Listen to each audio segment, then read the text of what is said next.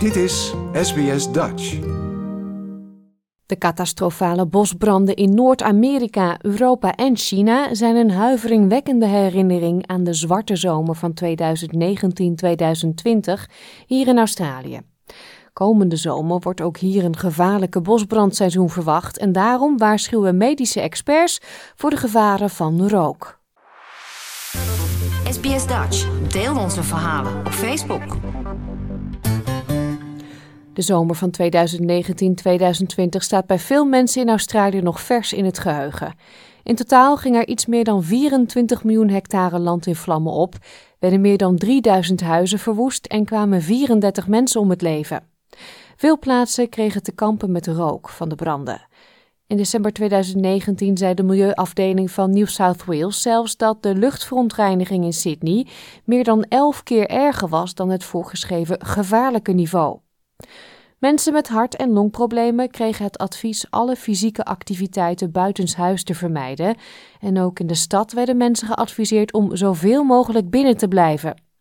Huisarts Dr. Kim Low zei destijds tegen SBS Nieuws dat er weinig bekend is over de impact van langdurige blootstelling aan rook. The current health threat is unprecedented. We've never had such a prolonged exposure for 6.8 million people to this amount of smoke. We know the levels of particulate matter, PM2.5, that is safe to breathe. At the moment, it's almost sort of like it's up to 50 to a couple of hundred times over that. And we don't know this prolonged exposure is going to have. Destijds ondertekenden 22 organisaties, waaronder het Royal Australasian College of Physicians en de Australasian College of Emergency Medicine, een gezamenlijke verklaring waarin ze er bij de toenmalige premier van het land, Scott Morrison, en de toenmalige premier van New South Wales, Gladys Berejiklian, op aandrongen om actie te ondernemen tegen klimaatverandering om de gezondheid van mensen te beschermen. De Climate and Health Alliance beschreef de rook van bosbranden als een noodsituatie voor de volksgezondheid.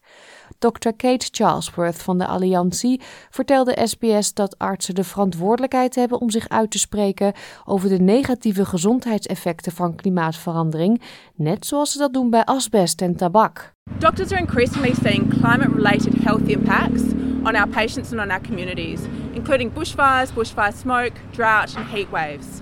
And so, just as we spoke up on asbestos and on tobacco, so we have a responsibility to speak up on climate change. It would be irresponsible of me as a doctor not to talk about the key underlying contributing cause to these horrific conditions, and that is climate change. Met waarschuwingen voor een potentieel ernstig bosbrandseizoen deze zomer kan rook dus opnieuw een probleem worden. De afgelopen maanden, tijdens de zomer op het noordelijke halfrond, zijn door bosbranden in Noord-Amerika, Europa en China miljoenen mensen blootgesteld aan rook. Professor Frank Kelly van de School of Public Medicine aan het Imperial College in Londen zegt dat er nu bewijs is voor de mogelijke schade die wordt veroorzaakt door de rook van bosbranden. There has been increasing evidence of, of the impacts of pollution on, on the brain and brain functions. And one of the uh, one of the pollutants which you you get uh, emerging from from major wildfires is carbon monoxide. Uh, and we know that this is a very dangerous pollutant at, at increased concentrations, and it, it is well demonstrated that it can have impacts on cognitive function. Volgens de Wereldgezondheidsorganisatie is de rook van bosbranden een mix van gevaarlijke luchtverontreinigende stoffen, zoals PM2.5, stikstofdioxide, ozon, aromatische koelwaterstoffen of lood, die de lucht verontreinigen en waardoor grote hoeveelheden kooldioxide en andere broeikasgassen de atmosfeer inkomen. Assistent professor Colleen Reed van de afdeling Geografie van de Universiteit van Colorado zegt dat de kleine deeltjes ernstige gevolgen kunnen hebben. Once those particles are deep in the lung, they can cause systemic inflammation, which can affect all other systems of the body. The lung is right by the heart, so there's off, there's evidence that air pollution exposure can affect cardiac health. Volgens professor Kelly is er niet veel onderzoek gedaan naar de gezondheidsschade door branden op de lange termijn. Hij zegt dat milieuwetenschappers kunnen verwijzen naar bestaande studies over stedelijke vervuiling, die in verband zijn gebracht met ziekten zoals hartafwijkingen en degeneratieve ziekten. Assistent professor Reed zegt dat in de gevaarlijkste, aan rook blootgestelde gebieden maskers bescherming kunnen bieden. Those N95 masks that we got used to for COVID, those are very good at protecting you from the air around you. The surgical masks are to protect others from what you breathe out, but the N95 or the KN95, those are to protect you from the area around you. So if you're going if you have to be outside, wear a mask. En professor Kelly zegt dat het belangrijk is te proberen om de rook buiten de ruimtes te houden waar je woont en werkt. If it is safe to stay where, where, where you live or work, then the, the, the main uh, action one can take is to ensure that the the emissions from the fires don't penetrate the building you're in. So that means keeping obviously windows and doors shut, but it may even mean you know trying to seal those windows by by having wet towels, etc. De Wereldgezondheidsorganisatie zegt dat de frequentie en ernst van grootschalige bosbranden naar verwachting zullen toenemen met de klimaatverandering.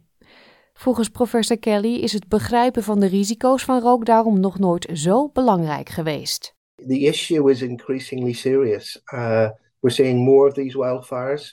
Uh, we're seeing the, the wildfire season uh, increasing in length, starting earlier, ending later. Uh, the fires are becoming more intense, more infrequent. So this is only going in one direction, and unfortunately for for health, both of ourselves and and uh, the rest of you know the the uh, living species on this planet, it's it's not a good uh, direction of travel. Dit was een verhaal geproduceerd door Ellen Lee voor SBS Nieuws en in het Nederlands vertaald door SBS Dutch. Like, deel, geef je reactie.